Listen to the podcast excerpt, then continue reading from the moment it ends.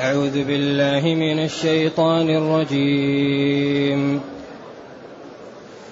ستجدون آخرين يريدون أن يأمنوكم ويأمنوا قومهم. ستجدون آخرين يريدون أن يأمنوكم ويأمنوا قومهم كلما ردوا إلى الفتنة أركسوا فيها. فإن لم يعتزلوكم ويلقوا إليكم السلم ويكفوا أيديهم فخذوهم واقتلوهم حيث ثقفتموهم وأولئكم جعلنا لكم عليهم سلطانا مبينا وما كان لمؤمن أن يقتل مؤمنا إلا خطأ ومن قتل مؤمنا خطأ فتحرير رقبة مؤمنة ودية مسلمة إلى أهله إلا ودية مسلمة إلى أهله إلا أن يصدقوا فإن كان من قوم عدو لكم وهو مؤمن فتحرير رقبة مؤمنة ودية فتحرير رقبة مؤمنة. وإن كان من قوم بينكم وبينهم ميثاق فدية مسلمة إلى أهله فدية مسلمة إلى أهله وتحرير رقبة مؤمنة. فمن لم يجد فصيام شهرين متتابعين توبة من الله وكان الله عليما حكيما. الحمد لله. الحمد لله الذي أنزل إلينا أشمل الكتاب وأرسل إلينا أفضل الرسل وجعلنا خير أمة أخرجت للناس. فله الحمد وله الشكر على هذه النعم العظيمة والآلاء الجسيمة. والصلاة والسلام على خير خلق الله وعلى آله وأصحابه ومن اهتدى بهداه. لما بين الله تعالى أنه لا ينبغي أن يختلف المسلمون في كفر المنافقين وأن لهم صفات واضحة لا لبس فيها في أنهم ليسوا من المسلمين. ودوا لو تكفرون كما كفروا فتكونون سواء. وبعدين حذر ونهى. ثم استثنى من هؤلاء القوم الذين يصلون إلى قوم بينكم وبينهم ميثاق. فإن كان بينكم وبين شريحة من أهل الكفر عهد وأمنوا هؤلاء فلا تصلوا إليهم. وإن كانت شريحة أخرى من الكفار أرادت أن تدخل وتعمل مثل ما عمل أولئك فلا تمنعوهم وإن كانت شريحة أيضا تريد أن تكون حيادية لا تريد قتالكم ولا تريد قتال قومها ولم يصلوكم بأذى فاتركوهم. إذا ما الذي بقي؟ بقي وهو هذه الشريحة التي وصفها الله بقوله ستجدون آخرين. ستجدون. س تدل على الاستقبال. تجدون تحصلون. آخرين أي جماعة آخرين. يريدون أن يأمنوكم ويأمنوا قومهم. يريدون أن يأتوا للمدينة ويقول نحن مسلمون. وإذا ذهبوا إلى قومهم عبدوا الأصنام وقالوا نحن كفار. ما يمشي. هذا ما يمشي. هذا ما يمشي مع الإسلام. ستجدون آخرين يريدون أن يأمنوكم ويأمنوا قومهم. كلما ردوا إلى الفتنة. الفتنة هنا المقصود بها الشرك. أو المقصود بها الخوف. أو المقصود بها إيجاد مصلحة. أركسوا رجعوا إلى الكفر. إذا هذه الشريحة قالوا من بني أسد ومن غطفان. كانوا حول المدينة فإذا جاءوا إلى المدينة قالوا نحن على الإسلام. وإذا ذهبوا إلى قومهم قالوا نحن على الكفر. إذا هذه صفتهم. ستجدون آخرين يريدون أن يأمنوكم ويأمنوا قومهم. كلما ردوا إلى الفتنة إلى الكفر أو إلى أن يضايقوا باختبار أو ابتلاء رجعوا إلى الفتنة إلى الكفر اركسوا فيها. فإن لم يعتزلوكم هؤلاء بأن لا يصلوا إليكم أذى ويلقوا إليكم السلم الاستسلام والانقياد ويكفوا أيديهم عن أذاكم إن لم يفعلوا الثلاثة فخذوهم واقتلوهم حيث ثقفتموهم حيث وجدتموهم.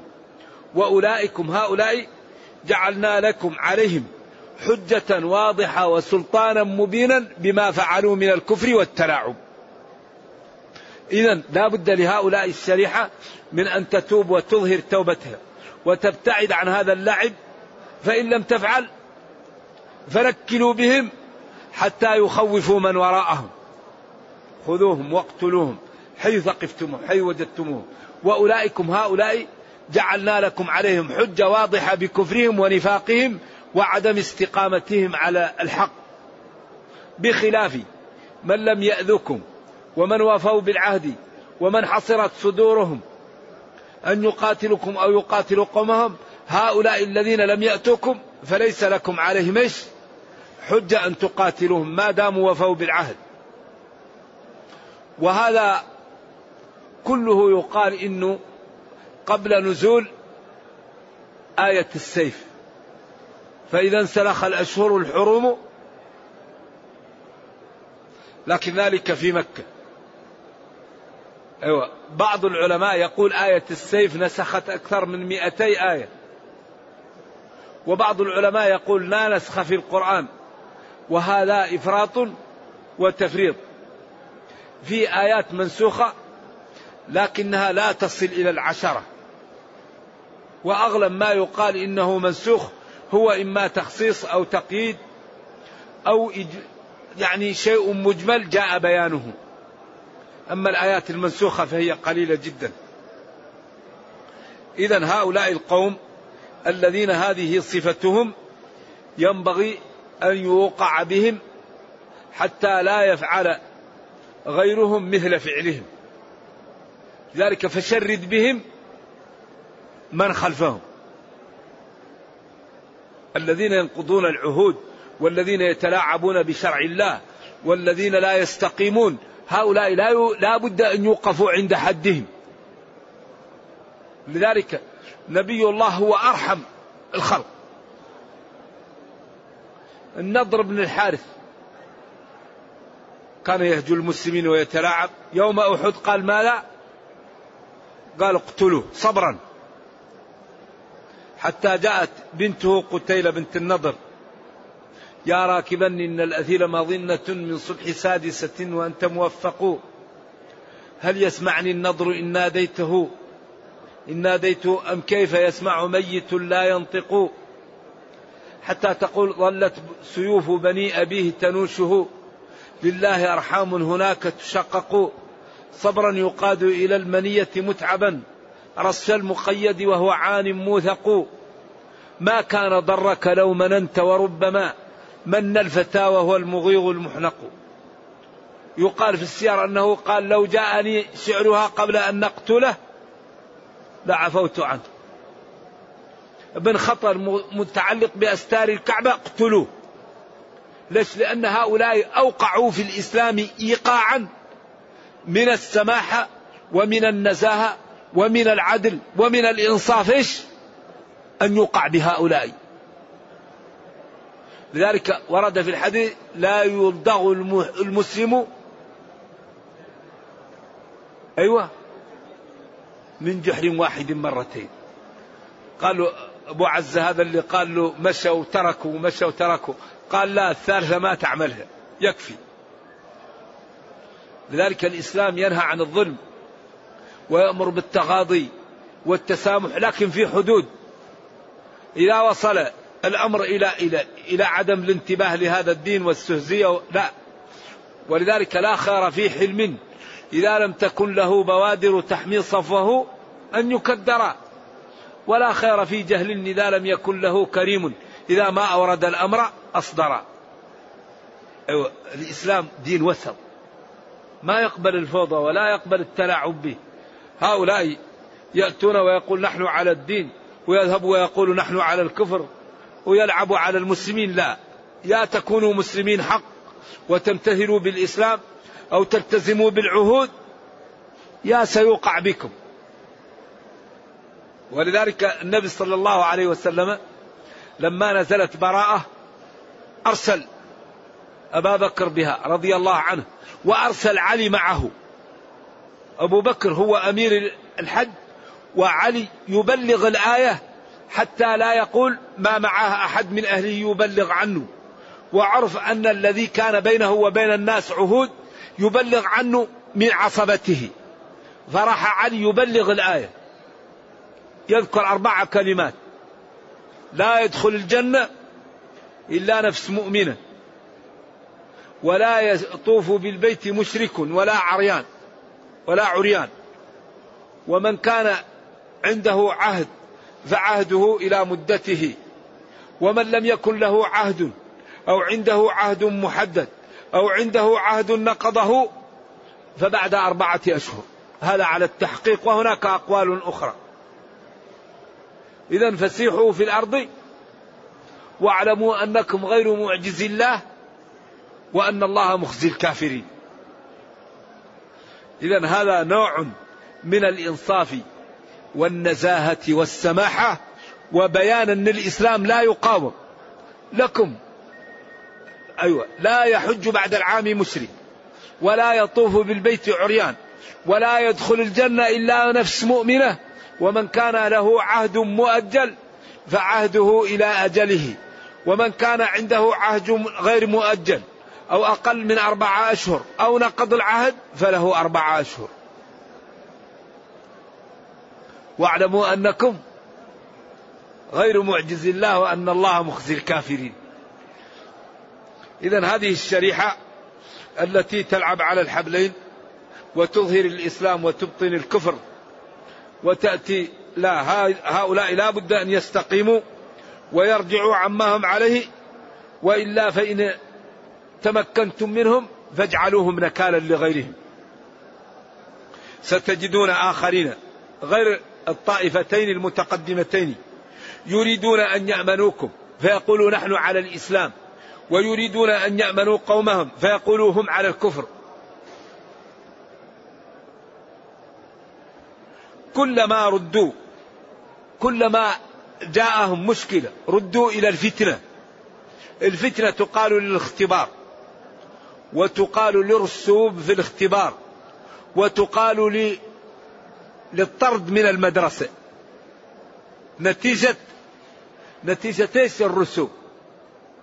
فإرسال الرسل فتنة والكفر بهم فتنة ودخول جهنم فتنة. ثم هم على النار يفتنون. إذا إرسال الرسل فتنة والتكذيب بالرسل فتنة ودخول جهنم فتنة. فالامتحان فتنة. والرسوب في الامتحان فتنة والطرد من المدرسة فتنة.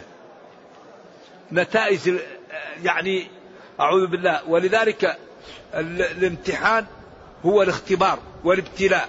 ولذلك قال لتبلون وقال ولنبلونكم وقال نبلوكم بالخير والشر نبلوكم بالشر والخير فتنة ابتلاء. والدنيا كلها ابتلاءات. كل الدنيا ابتلاءات. الصلاة الصوم غض البصر كف اللسان بذل المال أن تبر بوالديك ألا تظلم الآخرين أن تغض طرفك ألا تتكلم. كله فتنة ابتلاء. ولذلك الله يقول ألف لام ميم أحسب الناس أن يتركوا أن يقولوا آمنا؟ والحال أنهم لا يفتنون. ولقد فتنا الذين من قبلهم. فلا يعلمن الله الذين صدقوا ولا يعلمن الكاذبين. النبي صلى الله عليه وسلم قومه ماذا قالوا له؟ ولما قالوا له هل رأيت يوما أشد من يوم أحد؟ قال نعم. لما, لما ذهبت إلى بني عبد كلال. ورموني وكذبوني فخرجت من قرن الثعالب وأنا لا أدري ماذا أفعل. لشدة الهم والألم يكذبوه ويضربوه وبعدين يقولوا أنت ساحر أنت مجنون. وبعدين في الطريق جاءه جبريل وقالوا إن الله يرسل لك ملك الجبال ملك الجبال. إن أردت أن تطبق عليهم الأخشبين. لأنه كان متألما. خلاص يرسل لك ملك الجبال ويأمر يطبق عليهم. قال لا لعل الله يخرج من أصلابهم إيش؟ رب اغفر لقومي فإنهم لذلك كان غفور رحيم. كان أكثر الناس سماحة. أكثرهم صبرا. ولذا لو كان قال ربنا اطمس على أموالهم واسجد على قلوبهم فلا يؤمنوا حتى يروا العذاب الأليم. نبينا قال لا لعل الله يخرج من أصلابهم. وقال لا رب اغفر لقومي فإنهم لا يعلمون. لذلك كان أفضل البشر محمد صلى الله عليه وسلم بلا نزاع. وأعطاه الله ما لم يعطي لغيره. ولكن ينبغي ننتبه لأن هذه المنزلة العظيمة التي أعطاها الرب للنبي صلى الله عليه وسلم بعض الخلق لا ينتبه حتى يعطي حقوق الله لرسول الله صلى الله عليه وسلم وهذا لا يجوز. نعطي للنبي حقه ولكن لا نعطي حق الله لا يجوز. لذلك ينبغي أن نضع الأمور في نصابها. فلا نقول إن النبي صلى الله عليه وسلم يعلم الغيب. لأنه قال والله ما وأنا رسول الله لا أدري ما يفعل بي ولا به وقال يا عائشة إن كنت ألممت بسوء فاعترفي وتوبي إلى الله لأن المسلم إذا اعترف وتاب يتوب الله عليه. فقالت لأمها أجيبي قالت ماذا أقول؟ قالت لأبيها أجيب قال ماذا أقول؟ وقالت وأنا جارية حديثة لا أقرأ من القرآن إلا قليلا. قالت ما لي ولكم إلا كصاحب يعقوب ونسية يوسف.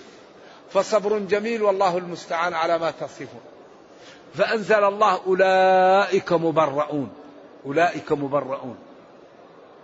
وقال قل لا يعلم من في السماوات والأرض الغيب إلا الله. إذا ينبغي أن لا نعطي ما, ما هو مستحق بالله لغير الله. وينبغي أن لا ننزل نبينا صلى الله عليه وسلم عن المكانة التي أعطاها الله. لذلك الإفراط والتفريط لا ينبغي. والذي يحميه هو النصوص. النصوص تحميه فخذوهم هؤلاء الجماعة واقتلوهم حيث ثقفتموهم حيث وجدتموهم. وأولئك هؤلاء الذين هذه صفتهم جعلنا لكم عليهم سلطانا مبينا بخلاف من تقدم. لا. ثم بين أحكام جديدة. هذه كانت أحكام بين المسلمين وبين غير المسلمين. أما الآن فجاءت الأحكام بين المسلمين وهذه الآية عظيمة وهي باب من أبواب الدين ومن شرع الله وجماله وحسنه ومن عدالته وإنصافه. فقال جل وعلا وما كان لمؤمن ولا صح له ولا ينبغي له أن يقتل مؤمنا في أي حال من الأحوال إلا إذا كان ذلك القتل حصل خطأ. اذا ما صح لمؤمن ولا ينبغي له أن يحصل منه قتل لمؤمن إلا إذا كان ذلك القتل خطأ. هل الاستناء متصل أو منقطع أقوال للعلماء فكثير منهم قال ما كان لمؤمن أن يقتل مؤمنا. لكن إن حصل ذلك خطأ. وبعضهم قال لا الاستناء متصل. ما كان للمؤمن أن يقتل مؤمنا. في أي حال من الأحوال؟ إلا في حال الخطأ. فهو قتل ولكنه مرفوع. لأن النبي صلى الله عليه وسلم أخبر أن ثلاثة مرفوعة عن الإنسان الخطأ والنسيان. وما استكره عليه. أن إلا قتلا خطأ أو لكن خطأ ومن قتل مؤمنا خطأ فتحرير رقبة مؤمنة ودية مسلمة إلى أهله إلا أن يصدقوا. إذا إذا قتل المسلم المسلم خطأ فكفارته تحرير رقبة. أن تكون هذه الرقبة كانت قنة كاملة وأن تكون مسلمة مؤمنة وأن يؤدي الدية إلى أهل الميت إلا إذا تصدق أهل الميت. وتحت هذا مسائل كثيرة. أول شيء ما هو القتل الخطأ؟ لأن القتل ثلاثة أنواع. قتل خطأ وشبه خطأ وعمد فالقتل العمد فيه القول. إذا تكافأ القاتل والمقتول وقتل الخ... شبه الخطأ فيه تغليظ الدية. وقتل الخطأ المحض فيه إيش؟ فيه الدية وفيه الكفارة. الخطر الخطأ المحض. نعم.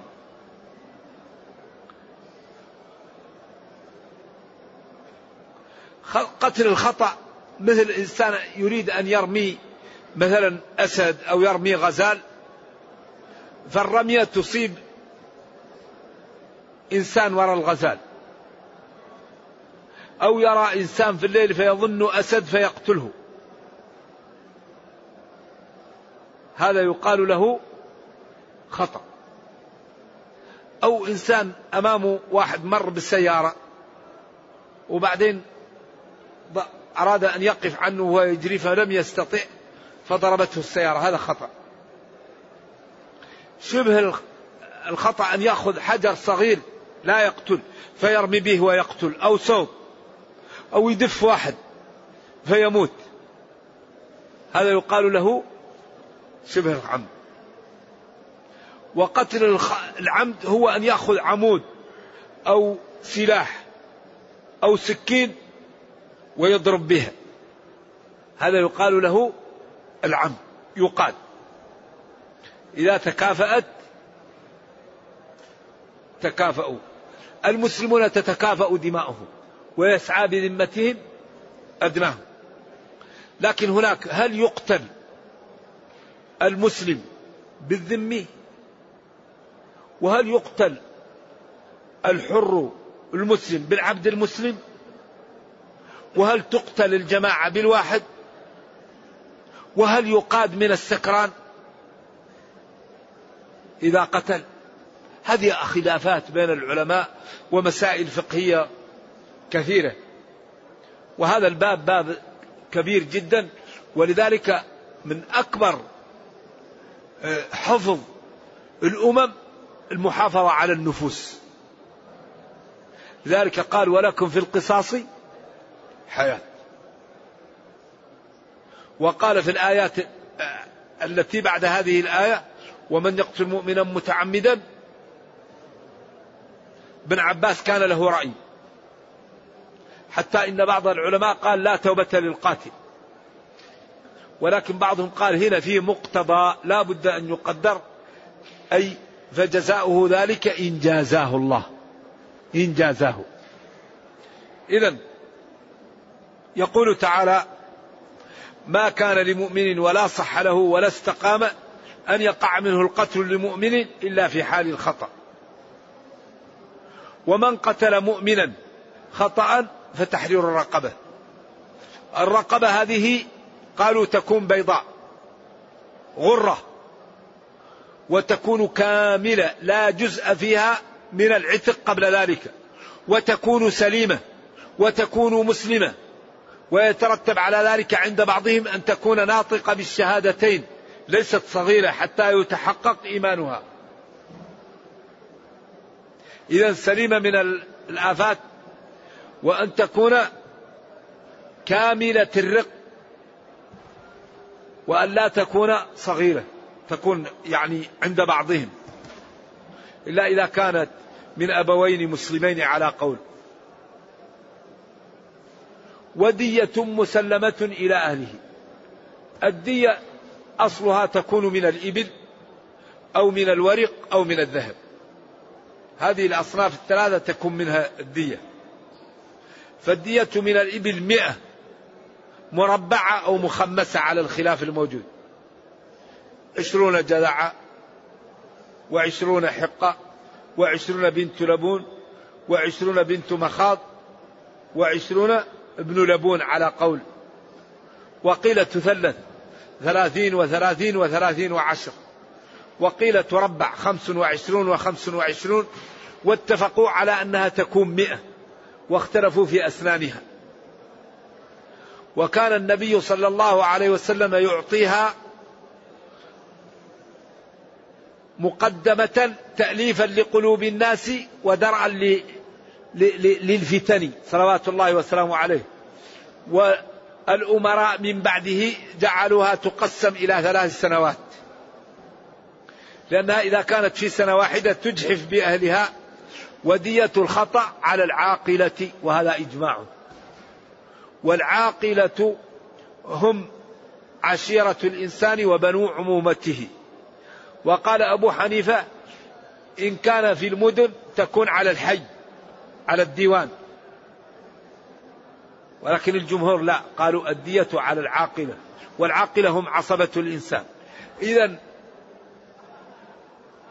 الرقبة في مال القاتل والدية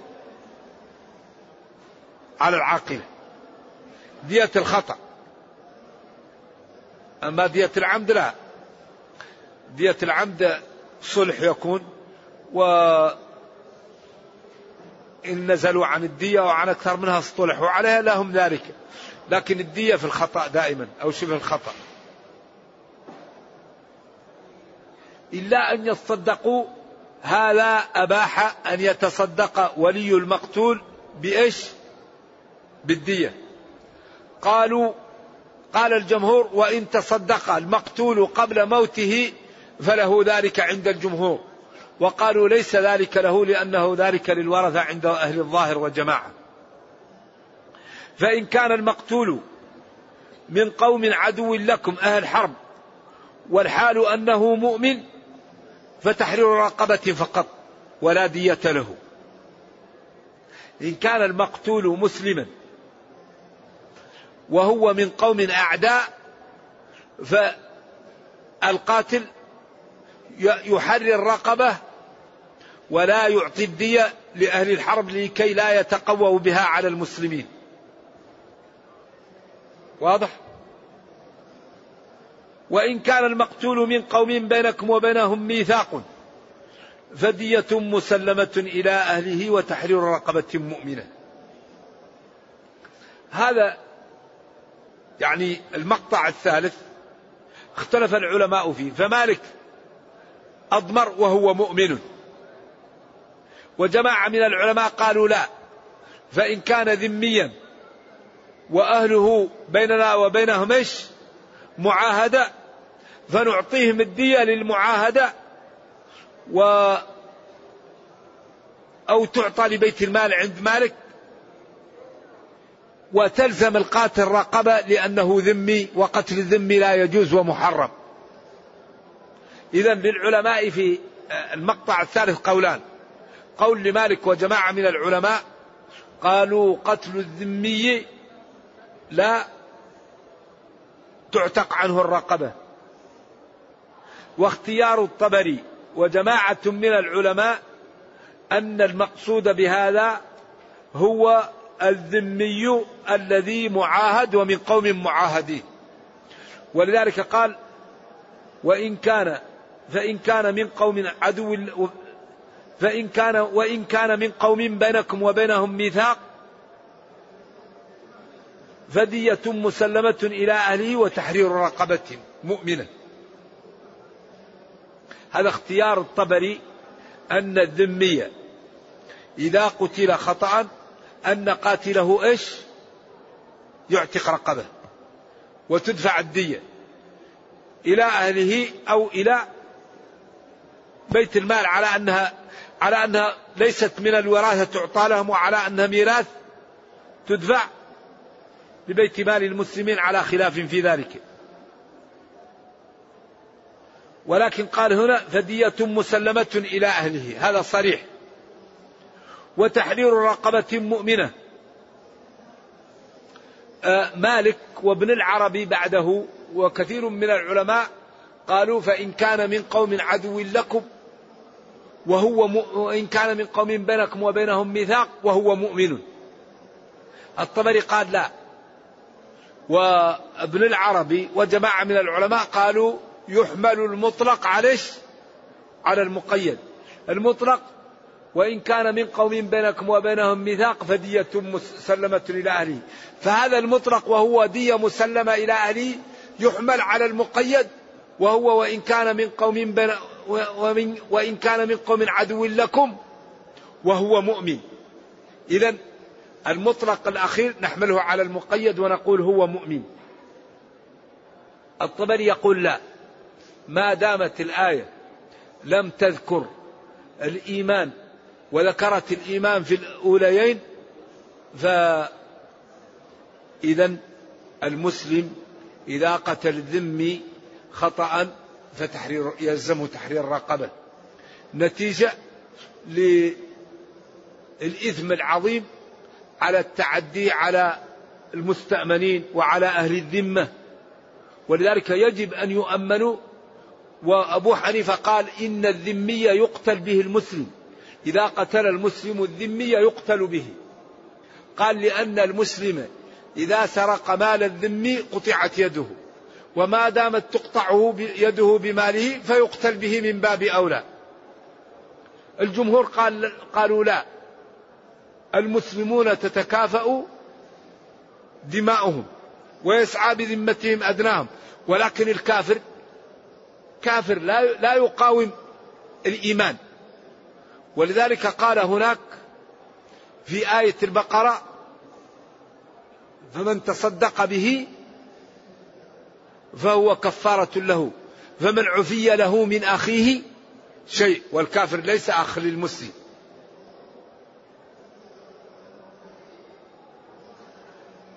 فقالوا إذا المسلم لا يقتل بالكافر. وكذلك قال الجمهور لا يقتل الحر بالعبد لأن شؤم الكفر سبب للعبد ضعفا لا يقاوم به المسلم الذي لم يكن عليه كفر وكل رق في الإسلام سببه الكفر. لأن الرق عجز حكمي يقوم بالإنسان سببه الكفر. ما فيه رق في الإسلام إلا بالكفر. إذا العبد الكفر الذي صار عليه أو على أجداده شؤمه سبب له ضعفا لا يقاوم الحر. هكذا يقول ابن العربي ويقول كثير من المسلمين ويقول جماعة من المسلمين أن الإسلام أعظم ولذلك إذا قتل الحر العبد يقتل به لأنه قال وكتبنا عليهم فيها أن النفس بالنفس وقال المسلمون تتكافأ دماؤهم. نعم. إذا هذا خلاف قوي والترجيح يحتاج إلى دقة وإلى بحث بين ذلك. فإن كان من قوم بينكم وبينهم ميثاق فدية مسلمة إلى أهله وتحرير رقبة مؤمنة منهم من قال وهو مسلم ومنهم من قال وهو ذمي. نعم. فمن لم يجد الرقبة إما لعدم وجودها أو لعجزه عن شرائها فصيام شهرين متتابعين. توبة من الله له على فعله ذلك لأن قتل المسلم والمعاهد والمستأمن ذنبه عظيم ولا يقتل إلا حصل فيه نوع من التفريط فألزم بالكفارة دفعا لذلك التفريط. نعم. وجبرا لذلك التفريط الذي حصل فإن لم يستطع فالصيام شهرين متتابعين ولا يقطعهم عند بعض العلماء إلا المرض أو الحيض أو النفاس أو إذا تخللهم رمضان. أما لا لا يسافر فإن مرض فالجمهور قالوا المرض لا يقطعهم وبعضهم قال إن مرض يعيدها شهرين متتابعين لا يقطعهم إلا شيء لا بد منه كالحيض والنفاس للمرأة لأن هذا شيء ليس بمقدورها وكذلك المرض يظهر.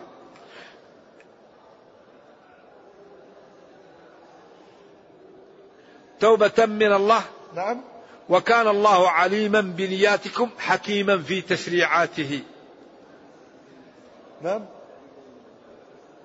والعيدين أيضا لأن العيد يحرم صيامه أيام التشريق يصومه. بس العيدين فقط. يوم النحر ويوم الفطر. هذان اليومان يحرم صومهما. أما أيام التشريق يصومهم لأنها متتابعة والله أعلم. وهذا الدين أحاط النفوس بالسياج عجيب. أحاط النفس أحاط العقل أحاط المال أحاط العرض أحاط الدين. الجواهر الخمس أو الست. الدين والنفس والنسب والعرض والمال والعقل. هذه الجواهر الستة أحاطها الإسلام بسياج منيع وجعل التعرض لها صاحبه عليه العقوبة الشديدة في الدنيا والأخرى. نرجو الله جل وعلا أن يرينا الحق حقا ويرزقنا اتباعه. وأن يرينا الباطل باطلا ويرزقنا اجتنابه وأن لا يجعل الأمر ملتبسا علينا فنضل.